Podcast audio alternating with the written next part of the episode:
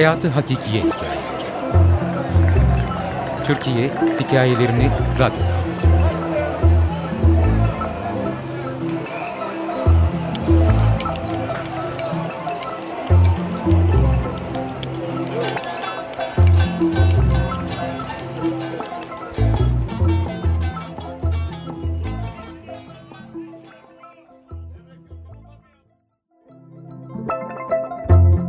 Çalışan bir annenin çocuğu olmak bazen zordur. Dedem öldüğünden beri bazen amcamlarda bazen de bizde kalan babaannem kışı evinde geçirmek istemişti.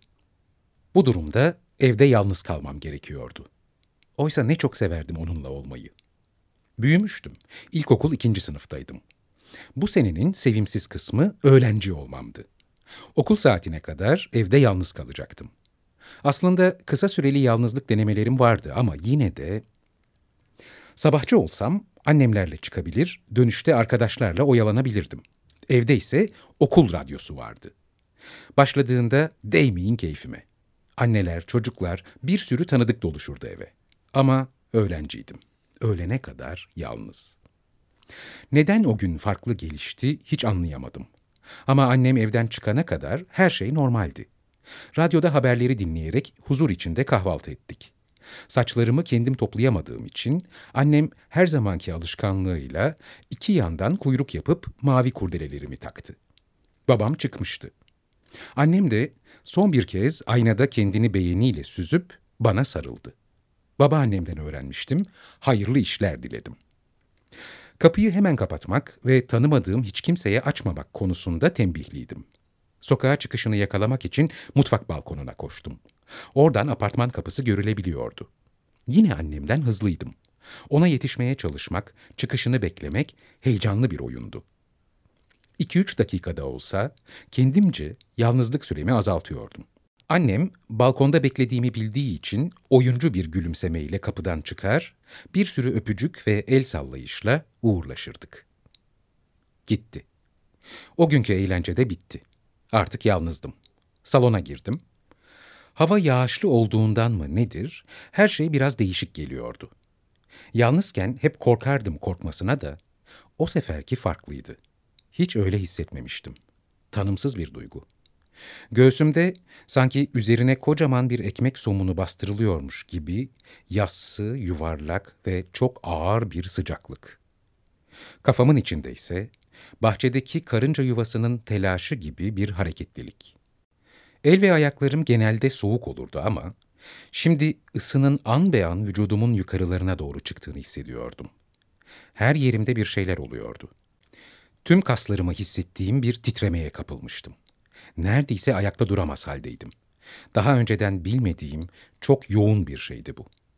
Bir süre sonra vücudumun yanı sıra dışarıda da bir şeyler değişmeye başladı. Karşımdaki su yeşili duvarın üstünde kenarları saçak saçak, tülümsü, duman gibi bir şey ve üst tarafında kaşsız, kirpiksiz bir çift siyah göz bebeği belirdi.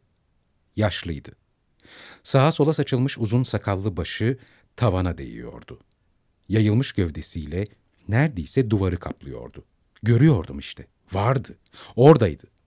Çok korkuyordum. Gördüğüm şey karşısında kendimi küçücük hissediyordum. Bağırarak ağlamaya başladım. Evde durmam mümkün değildi. Sabahın bu saatinde komşulara gidemezdim. Çare düşünüyordum. Duvardaki yaratık dalgalanmaya başlamış, içimdeki dehşet iyice büyümüştü. Ne yapabilirdim? Annem. Üstümdekilerle fırladım evden. Korkudan merdivenleri nasıl indiğimi, apartmandan nasıl çıktığımı hatırlamıyorum. Annem işe gitmek için evimizden 50-60 metre ilerideki duraktan dolmuşa binerdi. Durağa doğru koştum. O kısacık mesafe nasıl da uzun gelmişti.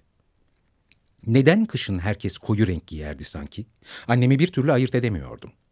Duraktakiler ağlayarak koşan bir çocuk sesiyle irkilmiş, hep beraber kocaman, tek bir kafa gibi bana dönmüşlerdi. Durak kafa. Hareketlenen annem o durak kafanın çenesine doğru belirginleşti. Onun da yüzünde korku vardı. Sarıldı bana. Ne olduğunu anlamaya çalışıyordu. Hıçkırıklarla bölünen kelimelerimle bir şeyler anlatmaya çalışıyordum. İnanmayacağını düşünerek yaratıktan bahsedemiyor ama eve yalnız dönmek istemediğimi söylüyordum. Okul saatine kadar benimle kalamaz mıydı? Annem beni kucağına aldı ve yürümeye başladı. Artık biraz da olsa rahatlamıştım. Ancak o zaman pijama ve terlikle olduğumu fark ettim. Ne kadar uygunsuz göründüğümü, annemi nedenli utandırmış olabileceğimi düşündüm.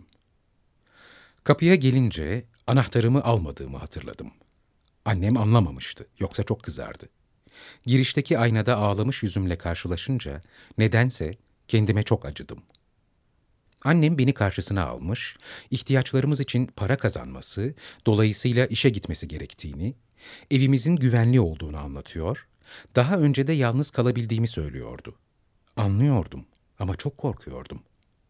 Bu arada da yan gözle salondaki duvara bakıyordum. Ama orada her ne gördüysem artık yoktu. Islandıkları için üzerimdekileri değiştirmek üzere odama giderken yine duvara baktım. Hala yoktu. Annemin sıcak ilgisi ve tabii ki kızmamış olması beni iyice rahatlatmıştı. Çok sevdiğim lacivert kadife pantolonumla turuncu kazağımı da giydirince yeniden yalnız kalabilecek güce kavuştuğumu yavaş yavaş da olsa hissetmeye başladım. Sonunda yine öpüştük ve hayırlı işler diledim. Yine mutfak balkonuna koştum ve apartmandan çıkışını bekledim. Ve yine öpücükler. Ama bu sefer yüzü biraz gergindi. Annem yine gitti. Hemen dış kapının arkasındaki anahtarı alıp ipini boynuma geçirdim. Ürkerek de olsa salona girdim. Çıkacaklar mı diye duvara bakıyordum. O saçaklar, gözler, o yüz ve gövde yine ortaya çıkacak mı? Tam duvarın yanından geçerken göğsümdeki ağırlık hissi, kafamdaki karıncalar yeniden belirdi. Geliyordu. Ve geldi. Sigara dumanı görünümlü o şey bu defa daha bir süt beyazı olmuş, sakalı ve siyah göz bebekleriyle duvarda daha da belirginleşmişti. Herhangi bir ses çıkarmıyordu. Ama kıpırtısı her an üzerime doğru gelecekmiş gibi hissettiriyordu. Bense öylece bakıyordum. Donup kalmıştım.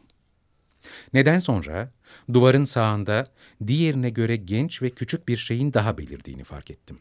Yine annemi istiyordum. Uçup yanına gidebilsem. Yerimde duramıyordum. Ok gibi çıktım evden. Neyse ki ayakkabı ve paltomu giymeyi akıl etmiştim. Anahtarım da boynumdaydı. Ama ya annem dolmuşa binip gitmişse? Ne olursa olsun bu defa anlatacaktım yaratıkları.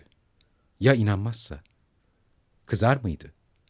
Daha çok ağlamaya ve daha hızlı koşmaya başladım. Durağı görene kadar içimdeki endişe katmerleşmişti. Ya orada yoksa? Ama annem hala oradaydı. Tek hamlede atladım kucağına. Üzüldüğünü görebiliyordum. Ancak her şeyi anlatmam gerekiyordu. Ve hiç soluk almadan başladım konuşmaya. Yaratıkları ve suratlarını ve sakallarını ve gözlerini ve gözlerinin karalarını ve birken iki olmalarını ve her şeyi ama her şeyi anlattım. Annem ilk seferinden çok daha gergindi. Elimden tuttu ve eve yürüdük. Kucağına almamıştı. Kızgın olduğundan değil de ayakkabılı olduğum içindir diye düşündüm. Yürürken kendimi tutamayıp ağlıyor, arada da yaratıkları tarif etmeye çalışıyordum. Lütfen evde kalabilir miydi? Hem okul saatine az kalmıştı. Ama hayır, işe gitmesi gerekiyordu. Ama ben de çok korkuyordum. Evdeydiler işte, duvarda. Üstüme atlayacaklardı. Bu defa kapıyı anahtarımla açtım ve annemi salona götürdüm. Duvarın önünde durup bekledik.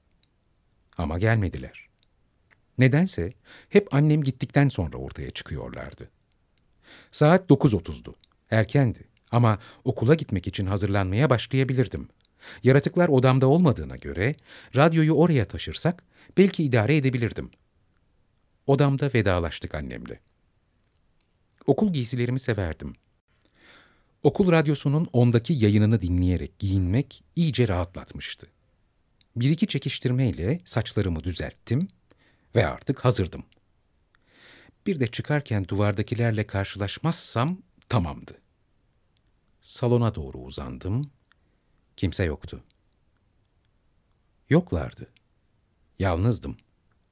Çantamı kaptığım gibi ayakkabılarımı giyip çıktım. Okula vardığımda dersin başlamasına bir saatten fazla vardı. Olsun dedim. Beklerim. Çalışan annenin çocuğu olmak bazen zordur. Yazar Şebnem Özbüber, editör Hakan Günday, okuyan Tolga Korkut.